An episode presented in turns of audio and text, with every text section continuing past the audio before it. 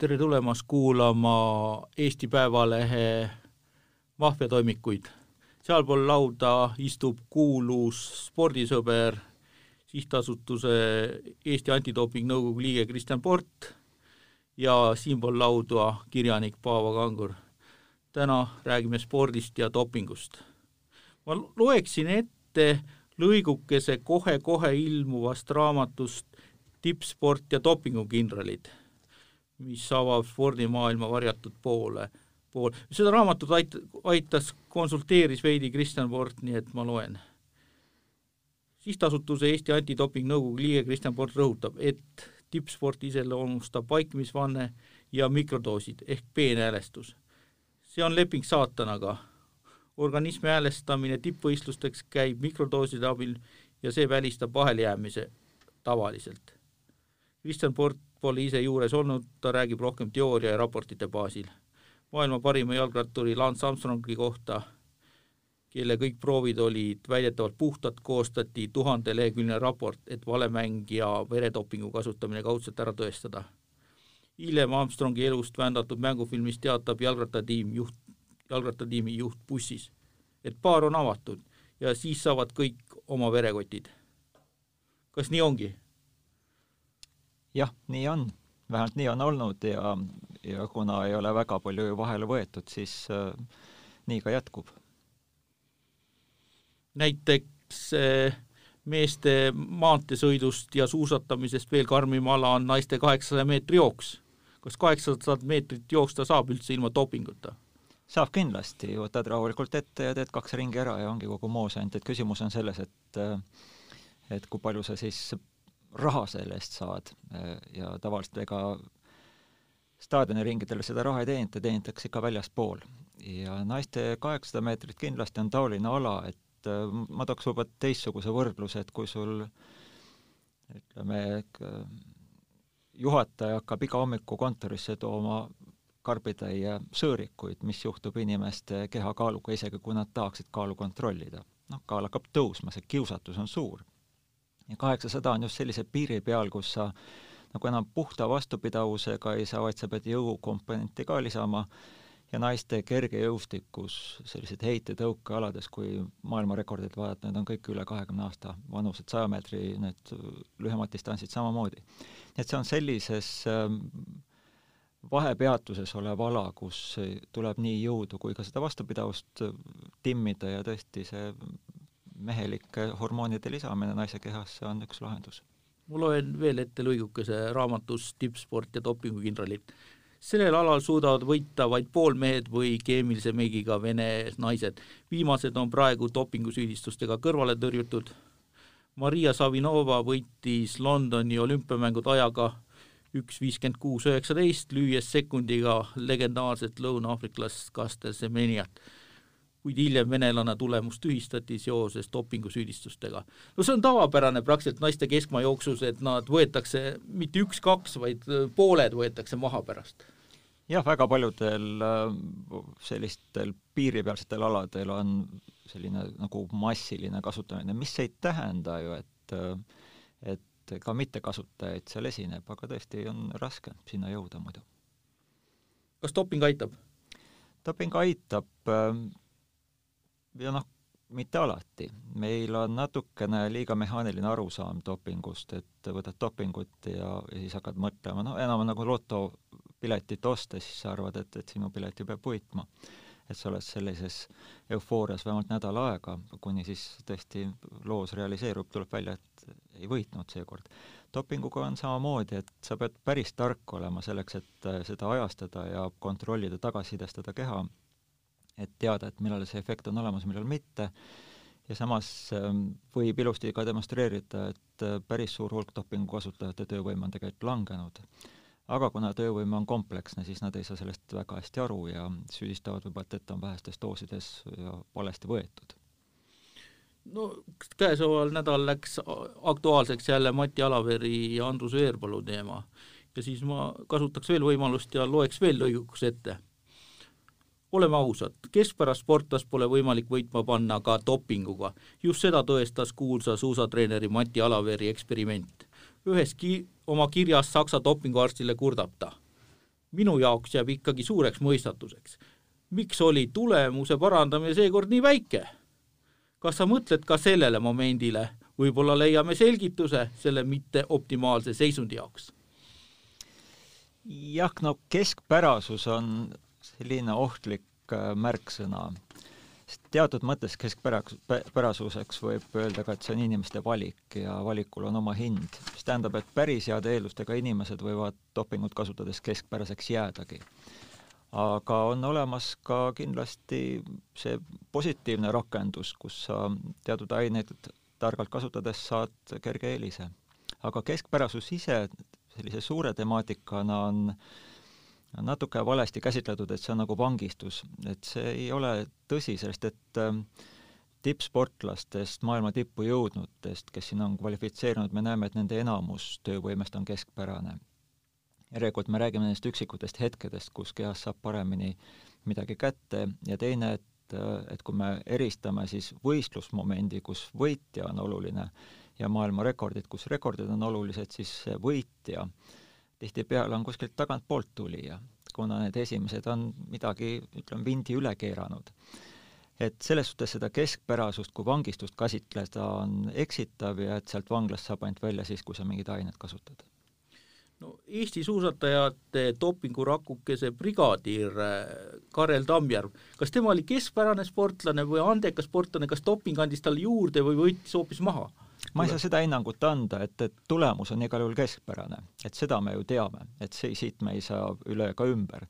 nüüd kas temal on eeldused paremad olnud ja ta on oma kogu selle valede, ütleme, vale treeninguga, valede ootuste, vale pingutuse põhjal lihtsalt endale suuremat auku kaevanud, sest doping annab sulle teatud lubadused, vaat kui ma ikkagi panen nüüd kõvasti, võtan seda ainet, et, et siis ma peaksin sellest august välja pääsema ja siin võib täiesti kindla peale väita, et tänu dopingule me oleme spordist ja ütleme, sellest treeningu intellektuaalsusest kaotanud paar põlvkonda, see on umbes nelikümmend, viiskümmend aastat, mille jooksul me oleksime võinud tarkust koguda, aga antud juhul me lihtsalt arvasime, et vaata, kui raskeks läheb, siis me leiame sealt kuskilt äh, apteegikapist midagi lahenduseks.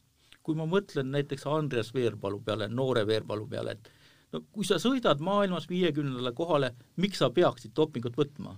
et sul nagu pole nagu põhjust nagu ei oleks põhjust ei ole, see on nagu, nüüd me näeme, et see on omamoodi kultuuriruum, kus, kus vaadati, et teisiti me trenni ei teegi, kui me ei, me ei võta neid aineid ja see on küllaltki hale. et, et see on just see sõnum, et me arvame, et, et see doping aitab kaasa, aga, aga see vajab kõrgemat kunsti ma olen ise ka kunagi kaheksasada meetrit jooksnud ja ma kujutan ette, et kui sa enne võistlust seal rapsid ringi ja seal pead veel jooksma kuskile dopinguarsti juurde, et ta sulle paneb sisse mingi uue koguse verd ja kõik nii edasi, sa, sa rahmeldad nii palju, et sinu seisund ongi juba mitteoptimaalne sealt ennem starti, et sa oled ju juba füüsiliselt sellest rahmeldamisest läbi. noh, töövõime on äh, selline õrn, äh, õrn kaaslane, et et, et sellel samal inimesel võib päeva jooksul töövõime erinev olla ja hooaja jooksul samamoodi, inimeste vahel ka.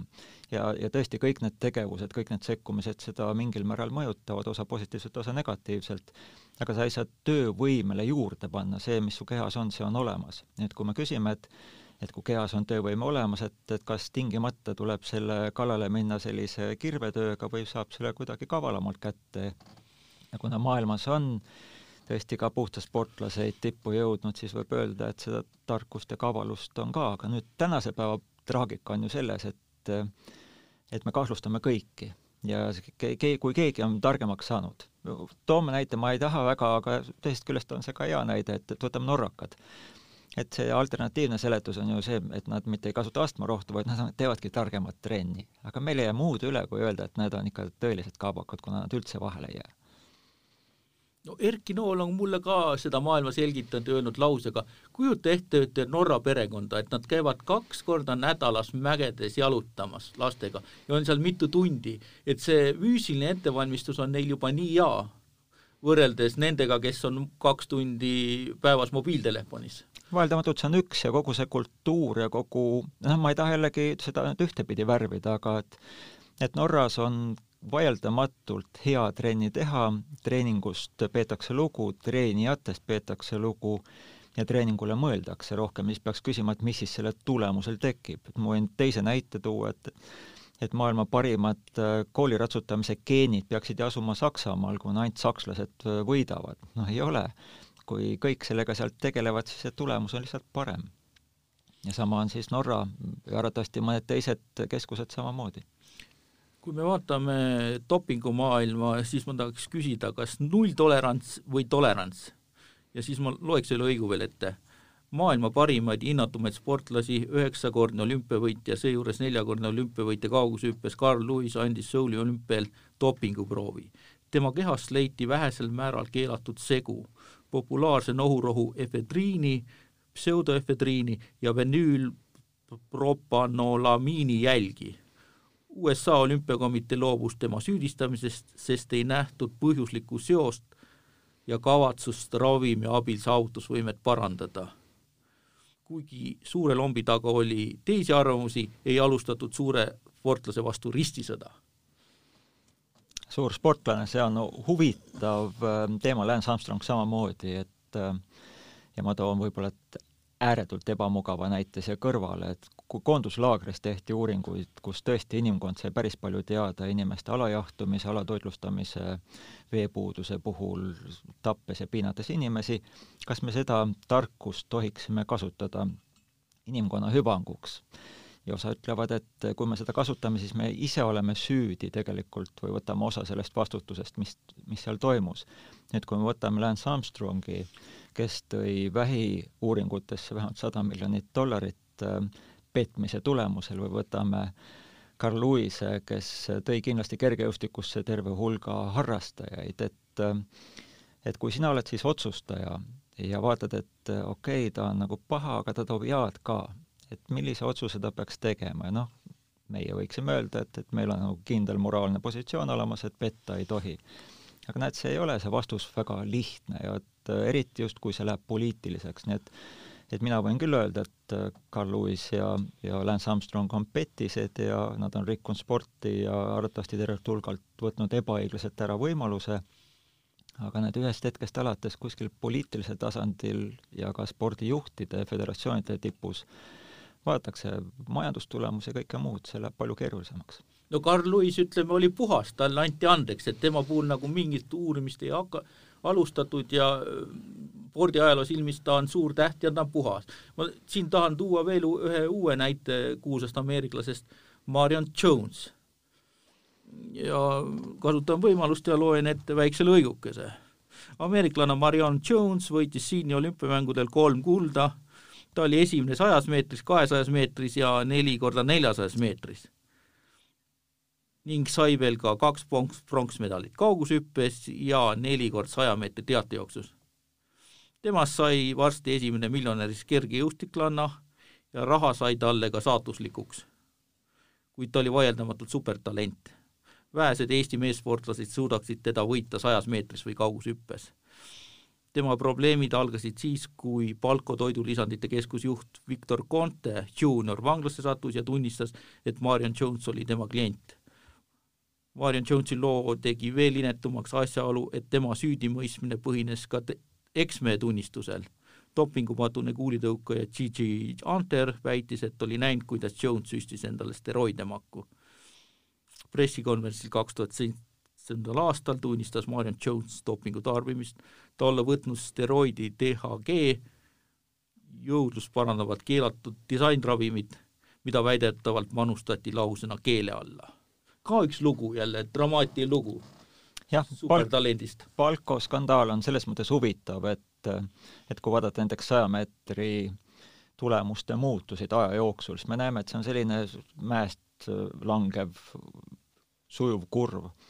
ja siis tekib tõesti seal Marion Jonesi paiku, tekib sellesse saja meetri jooksu tulemusse järsk kukkumine. kukkumine siis kiiremate aegade suunas. Ja vahepeal mõeldi, et okei okay,, et järsku on seal mingi targem treeningmetoodika tulnud või naelikud on paremaks läinud või tartaan rada on paranenud ja, ja siis tuleb see Victor Conte, kes ütleb, et et tegelikult saadeti üks tühi viaal, kus oli see DHG jäägid sees ja öeldi, et uurige seda ka ja kuna selle jaoks testi ei olnud, siis hakati seda ka järeltestima ja, ja avastati, et tõesti, et see on suht levinud ameeriklaste sees sprinterite seas. Ja nüüd tuleb välja, et sprinterite maailma tipust äh, jällegi esimese viie hulgas praktiliselt kõik on aegade jooksul olnud dopinguga vahelejääjad, sa võid võtta viimase võib-olla kümne-viieteist aasta maailmarekordid ja sa näed, et ainukene, kes on roheline, on Usain Bolt, mis tekitab omamoodi küsimusi, aga kõik ülejäänud on punased, nad on kõik vahele jäänud ja, ja see palkoskandaal lihtsalt näitab, kuidas see sinu maailmarekordite muutuses tekib ootamatu jõnksatus ja pärast tuleb välja, et see seletus on, on tegelikult uus steroid.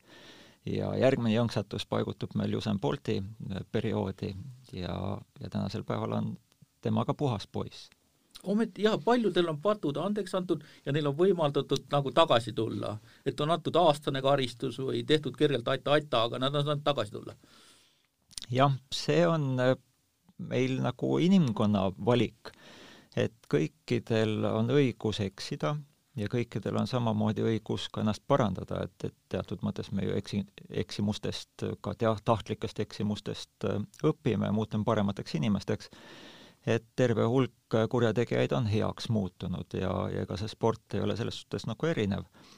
aga aga jälle steroidide puhul on need hilisemad teadusuuringud näitavad ka seda, et, et steroidi efekt ulatub seal nelja-viie aasta kaugusele.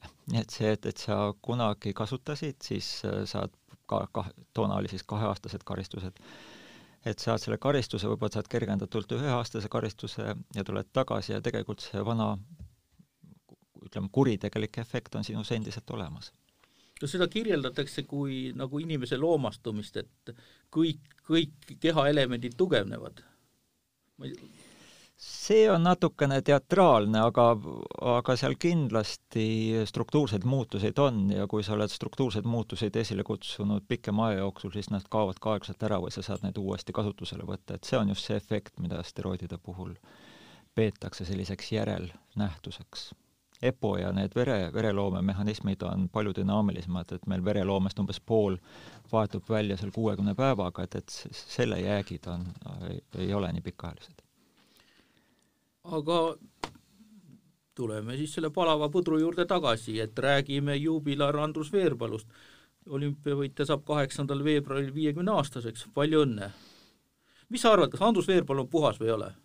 sa oled öelnud, et tema saladust teab kuus inimest ja no ma ei pea ju iseenda arvamust teisiti väljendama kui tegelikult kohtunike otsus, et eh, Kassi kohtunike otsus tühistas FIS-i eh, karistuse, aga kohtunikud leidsid eh, endas motivatsiooni täiendada seda otsust teatega, et mida ilmsemalt Andrus Veerpalu on keelatud ainet kasutanud. hiljem selle testi valideerimise käigus tuleb välja, et see testi tulemus ei muutunud, test valideeriti ja, ja sisuliselt võib öelda, et ta jäi sellel hetkel dopingu kasutamisega vahele.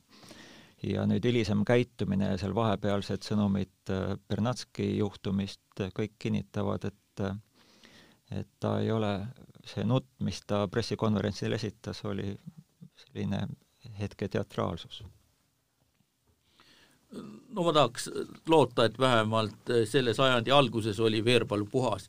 Ja ma loeks ette ühe lõigu veel siin sport on lihtsalt väga faktoloogia siia.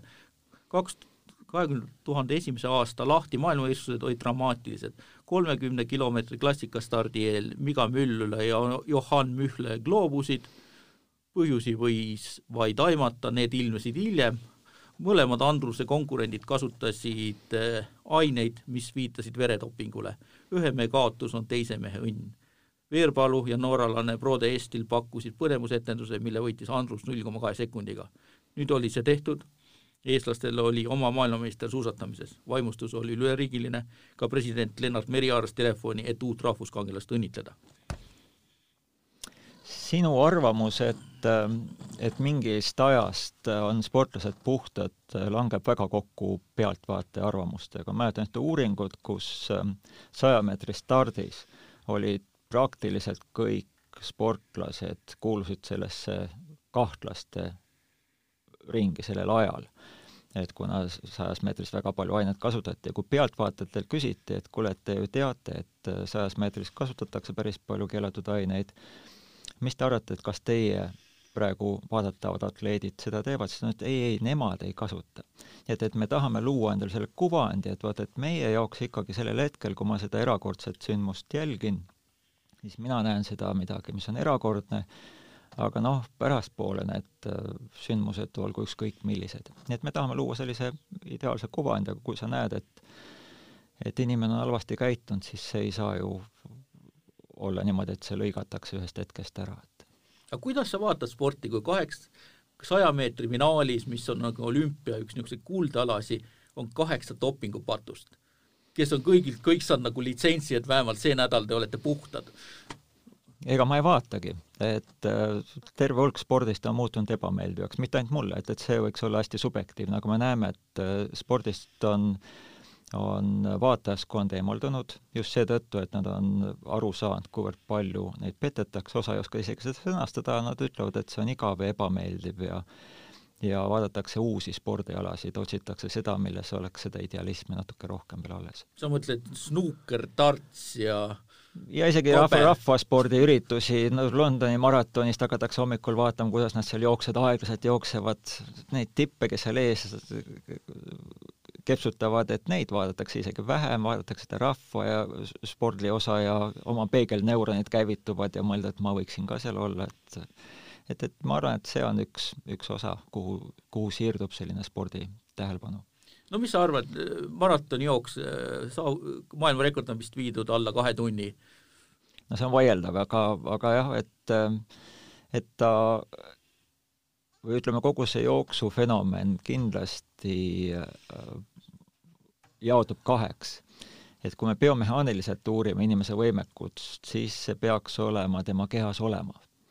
Nüüd, kui me paneme inimese jooksma, vaatame, jookseb alla kahe tunni, siis hakkame rääkima tema ketsidest ja tema jänestest ja kõigest muust, mis seda aitavad kaasa ja siis ütleme, et see ei ole isegi, ikkagi ei ole osatud kehasse võime kätte saada. meid huvitab ikkagi peamiselt see, et, et kui targad me oleme et me, mitte personaalselt, aga et olles inimesed, siis vot need teised inimesed on nii targad, et vaata, milleks nad suutelised ole-, on.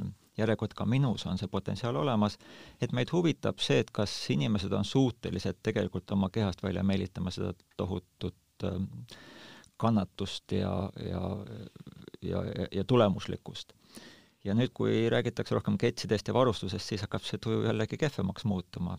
ja noh, see doping on vast kõige rohkem, aga jah, kahe tunni piir ei ole võimatu ületada, aga, aga praegu kõik jällegi sellised ümbruses olevad jutud viitavad sellele, et ei tehta veel seda kõige paremal moel.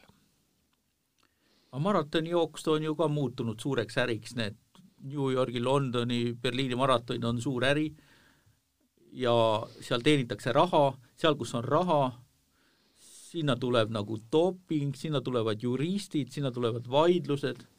jaa, raha on rikkunud seda spordimaailma päris palju ja ta on toonud sinna ka päris palju, ta on võimalusi juurde toonud.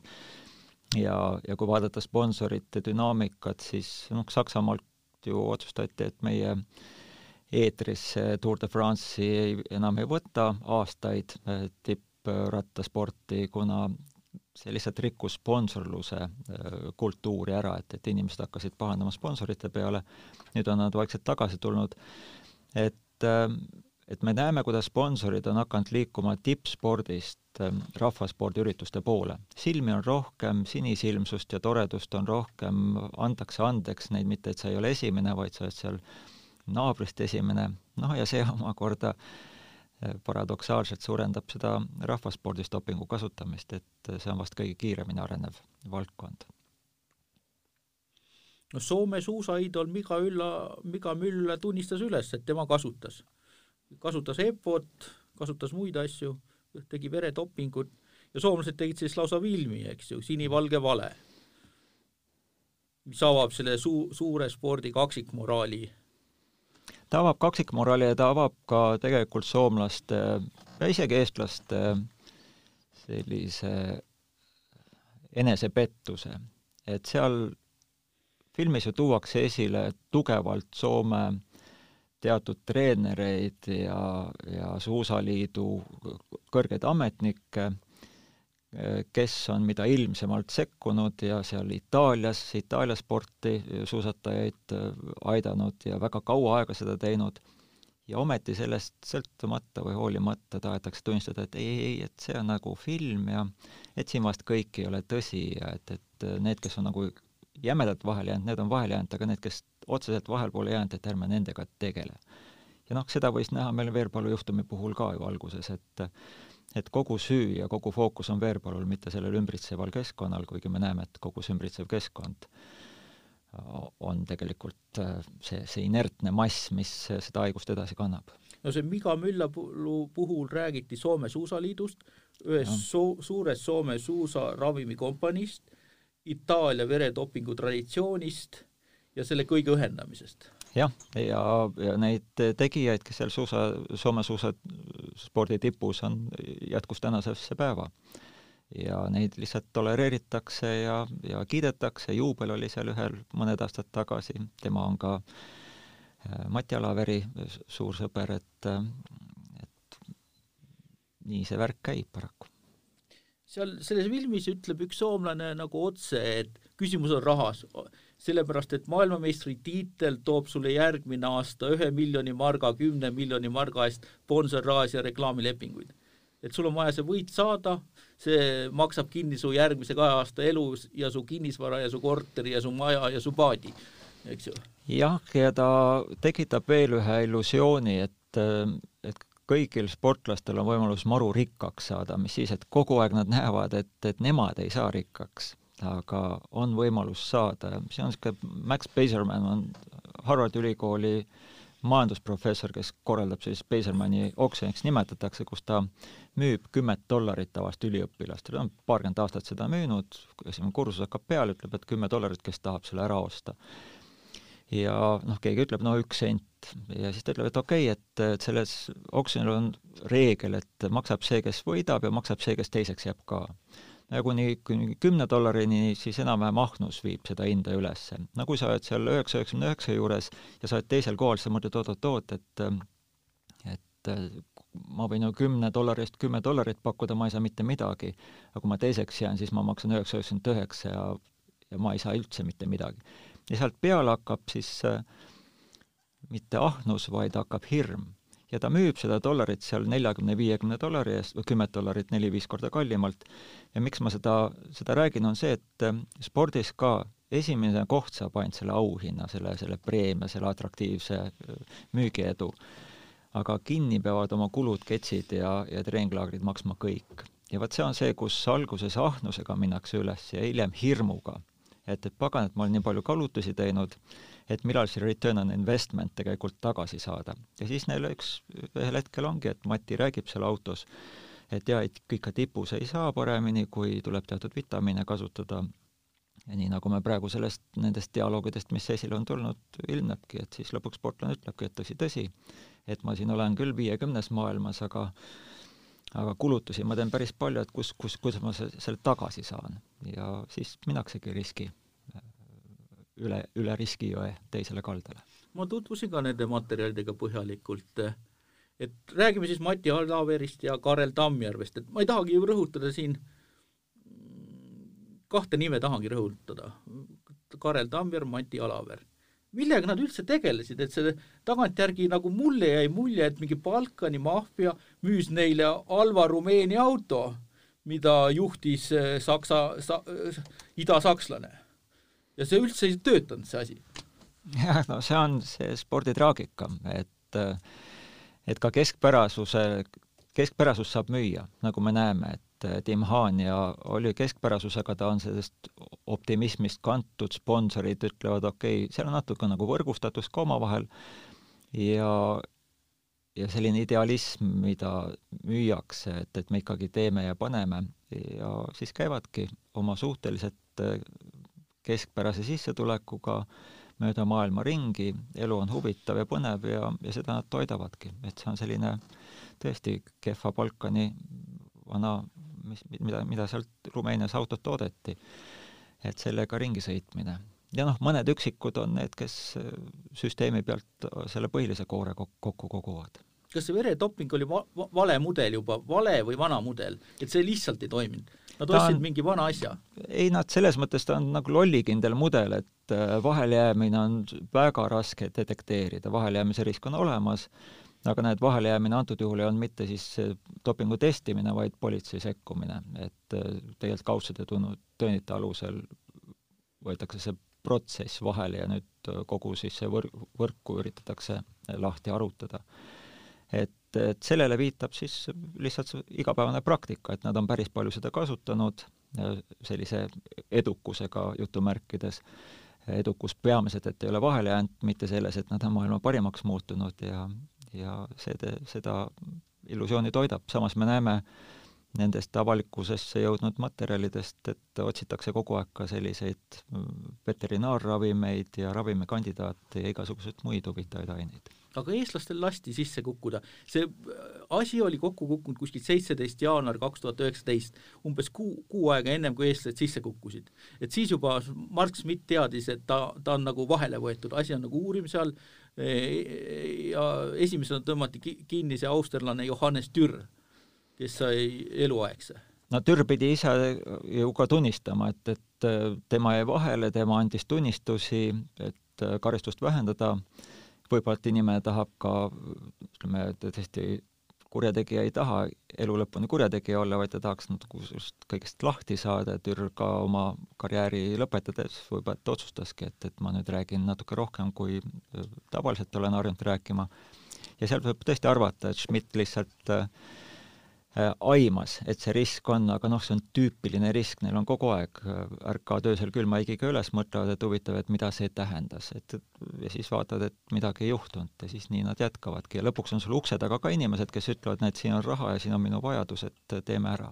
no Johannes Türr oli see kuulus Austria suusataja, kelle venelased võtsid Sotši taliolümpial vahele ja ta ise ka tunnistas, et ta natuke eksperiment eksperimenteeris nende mikrodoosidega, ta proovis EPO-t ja võib-olla muid asju ja teisi asju, aga na-, natuke võtta, et nagu tabada seda piiri, et ta vahele ei jää.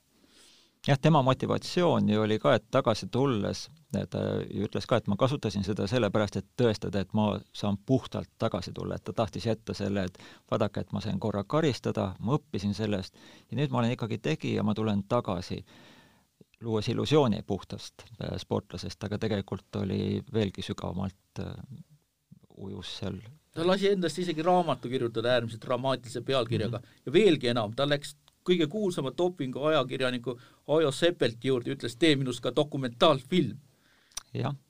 ja sellest kinost algas see, et ka eestlased kukkusid sinna auku jah, noh, seda ütleme suures pildis jällegi, et see ei ole nagu ühest sündmusest ei teki, neid auke on selles juhtus rohkem, aga lõpuks ta jah, kulmineerus selleks üheks sündmuseks. see, kus äh, Kaarel Tammjärv annab oma pressikonverentsi?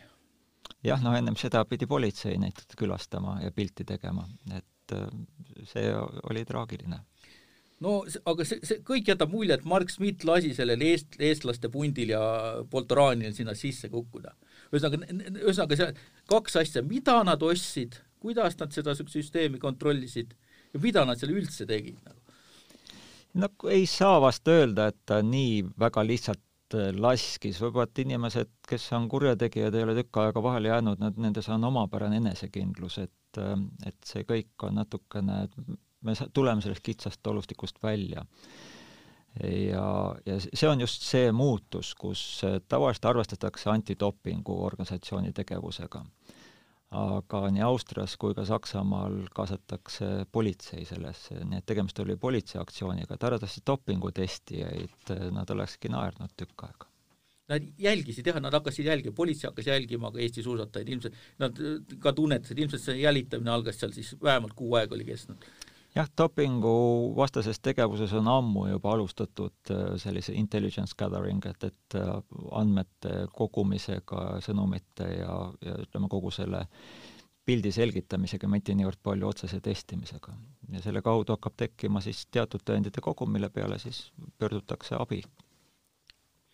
Mati Alaver on Eesti kõige kuulsamaid treenereid, eks ju, üks kõige edukamaid. ütleme kurikuulsamaid. nüüd on ka kõige kurikuulsam treener, eks ju kõige kurikuulsam. aga kas ta, kas ta ei jaganud matsu või kas ta uskus, et sealt Ida-Saksast saab osta siis mingeid imeasju, talle pakuti ka sünteetilist hemoglobiini, et tahad, proovi seda et mis sa, mis me jamame selle veredopinguga?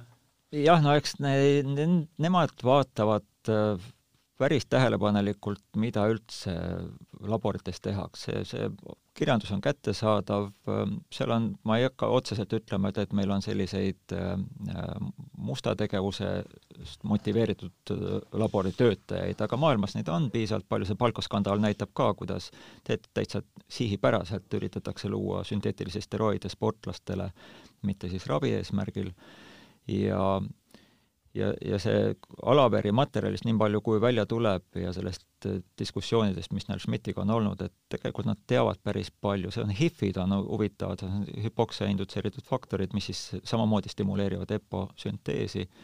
Need on puhtalt ainult laboratoorseks kasutuseks ja, ja tema materjalist tuleb ilusti välja ja ma ütlesin, meie ajakirjanduses oli ka korraks, et vaata, et üks uus aine on, aga Mati Alaveri materjalis on see ammu juba kirjas, et ta soovitas seda puhtalt oma sportlastel kasutada, kirjutades juurde, et see on nagu E-vitamiin, et võtad, äh, seal oli kuur kirjeldatud, kuidas seda teha ja kui seda pakendit vaatad, siis on sinna pakendi peale on kirjutatud for lab use only, et not for human consumption, et mitte inimeste kasutamiseks, vaid on laboratoorseteks uuringuteks.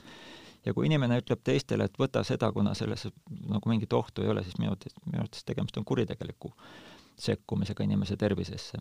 seda ei ole talle karistuseks ette heidetud minu arvates üleüldse traagika oli selles, et, et kohtuotsus, äh, kuidas see ära klaariti, on, on tavaliselt on niisugune traditsiooniline filosoofia toob esile viis tunnust, et, äh, et kui meil on, on olemas kannataja ja kurjategija, siis äh, kannataja esimene soov on vabalt kurjategijale kätte maksta, talle nagu vangi panna. see vangistus ise on siis nii kättemaks ebamugavusega kui ka isolatsiooniga, need kaks kriteeriumit seda kumbagi, keegi ei saanud kätte makstud ega, ega kedagi ei, ei vangistatud, siis teiseks või kolmandaks. Räägitakse tavaliselt siis äh, hüvitamisest, no antud juhul mitte mingit hüvitamist ei toimunud ju, kogu Eesti sport on tugevalt kannatanud, kogu Eesti suusasport on seetõttu kõvasti raha kaotanud.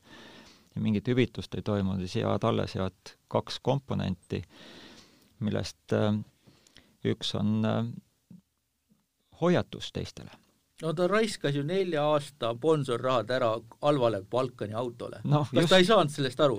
et kas ta ei mõistnud, et see tema metoodika ei tööta no üks on see, et tema metoodika, aga kogu ülejäänud, ütleme, see spordi avalikkusele eh, jäi mulje, et, et, et ollakse puhtad, aga, aga just seetõttu, et see kohtuotsus, mis, mis sulges kogu selle materjali, tegi tingimusi karistuse, kokkuleppe, menetluse, mille peale siis meie ülejäänud ei õppinud sellest mitte midagi ja nemad muutusid ainult üha, ütleme siis, julmemalt ja totramalt käituvaks. nii et sellest kohtulahendist minu arvates ühiskond ei teinud mingit kasu. noh, ajakirjandus mõtled Alaveri? Alaveri juhtumist, jah. ja see ainult võimendas seda ja kui me läheme ajas tagasi, siis Veerpalu juhtumi järel ju mitte keegi ei tegelenud ei Alaveriga ega ümberringi olevate inimestega, vaid jätsid mulje, et, et kõik see värk on nagu Veerpalu keskne. ja nii kui kohtus Kassi otsus ütles, et, et võtame selle karistuse ära, aga mida ilmsemalt ta on siiski keelatud ainet kasutanud ja ütleme, aasta suurusjärgus hiljem tuleb siis kinnitus, et tegelikult see test on valiidne, siis mitte ükski, ütleme, Eesti spordiorganisatsiooni liige ei ütelnud, et et kuulge, et, et siin on midagi väga kahtlast, vaid et Mati Alaver oli tipptreener ja Andrus Veerpalu oli tipptreener ja sportlane ja kõik läks aga kas me peame päeva. kaitsma siin nagu sportlast süsteemi eest? Viga Müllula jõi ennast surnuks, teised Soome Suusaliidu ametnikud ju elavad selles äh, kullas ja karras edasi. jah, see on suurem küsimus, et kuidas ühiskond ja ütleme, see spordiavalikkus suhtub äh, nendesse, kes on neid petnud. Ja minu arvates on siin, tuleb esile see traditsiooniline ta on vist amerikanism, et kui sind esimest korda petetakse, on petja süüdi, kui sind teist korda petetakse, oled sina süüdi, noh, me lasime ennast korralikult petta et äh, ja, ja hakata pärast halama, et et et kus on õiglus, me oleme ise seda lasknud halvaks minna. no nüüd on ju väljas sünteetiline hemoglobiin, mida ei ole võimalik veel tuvastada no ei saa väita, et äh, selles mõttes äh, sünteetilised asjad, mis ei ole kehale omased, neid ikkagi detekteeritakse, aga lihtsalt küsimus on selles, et äh, millal neid detekteeritakse. rahvusvaheline Jalgrattaliit oli kõik proovid läbi lasknud mm, -hmm. kes sellest loost läbi käisid, näed, seal oli, eks ju, suusatajad olid ju väike osa sellest kinost, et väga palju oli kuulsaid jalgrattureid seal no nii nagu see TH, THG-gi, et, et kui sa ei tea tõesti, et, et seda pead ka vaatama, siis sa ei vaata sinna tagantjärgi lasti testid läbi ja nad ei suutnud tuvastada eh, rikkumisi. jah, just seda rikkumist, et, et, et osa asju laguneb ära ja, ja see on see probleemistik, et, et mille pärast võetakse need proovid, talletatakse sul aasta, noh, nüüd juba kümneks aastaks, et, et sa võid neid uurida siis, kui sa õpid neid uurima. aga selles, selles aknas, kus me või, võistleme, sisuliselt käib võitlus või võistlus siis petjate ja, ja kinnipüüdjate vahel, petjatel peab ju eelis olema, nad peavad midagi tegema, mida, mida varem ei ole kinni püütud, sealt tuleb just need uued ained. HIF minu arvates on hästi väikse molekulaarse olekuga keelatud aine ja selle detekteerimine on ääretult raske näiteks. kas doping on tippspordi DNA-s ehk olemuses sees, et ilma sellelt, selleta ei saa enam? No ma võtaks selle tippspordi sõna, paneks natukene kaugemale, et, et see on inimkonna DNA-s, et, et me oleme petjad nii või teisiti, et, et me ei saa seda, seetõttu ka sporti puhtamaks teha.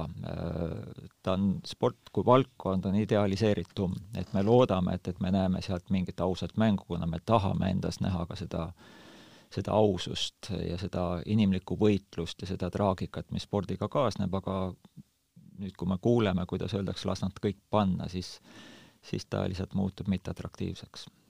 aga sa kordad seda sama Mati Alaveri mõtet praegu kordasid, et kõik me oleme uiarid ei, ma seda ei ütlenud petjad, kõik me oleme petjad. et, et ma ütlen, et inimkonna sees, et me, meie kõigi sees on see petja olemas, aga, aga mitte see, et et esimesel kohal on, on kõik petjad, vaid kõikides inimestes, ütleme kõikidel sportlased seisavad, tippsportlased seisavad sada protsenti selle dilemma ees võtta või mitte teha seda keelatud sammu või mitte. ja osad otsustavad, et nad seda ei tee no,. ütleme, et ta võtab viitekümmet vitamiini nagunii ja siis see viiekümne ühe esimene on nagu keelatud, piiri ületamine. et see nagu meenutab seda piibellikku lugu õunast. jah, see juba, et räägib natuke rumalusest ka, et, et kui, kui treeningu puhul põhitähelepanu läheb vitamiinide peale, mitte et äh, mõtleks, kuidas paremini trenni teha, tagasisidestada seda keha paremini, mida järgmine kord teha, vaid öeldakse, et oi, et järelikult ma sõin midagi vähe. Bruce Jenner, kes nüüd on vist proua Jenner küll, tema, kui Tallinnas kunagi käis, siis ta ju šokeeris avalikkust, et ta vist pani seal viiskümmend tabletti päevas, kõik igasuguseid toidulisandeid. sealt see järgmine samm, et et võtame natukene tummisemat ainet ka, on, on väga, väga väike. jah, lugupeetud sportlased, et keskenduge ennem starti sooritusele, ärge minge ver-, veretopingut tegema ennem starti. jah, ka pärast starti ei tasu seda teha, et kui sa kui sa oma mängu ära rikud, siis sul ei ole sealt midagi paremat loota, et isegi kui sa aus oled, siis ja sa seda, ausust seal ülal ei hoia, siis keegi ei usu sind. et ma usun, et me peame kõik üheskoos tagama selle, sport puhas oleks, piisavalt puhas. aga tänan, Kristjan Sport, sport, sport, Kristjan Port tänan, tänan. et said tulla stuudiosse ja rääkida spordi pimedamast poolest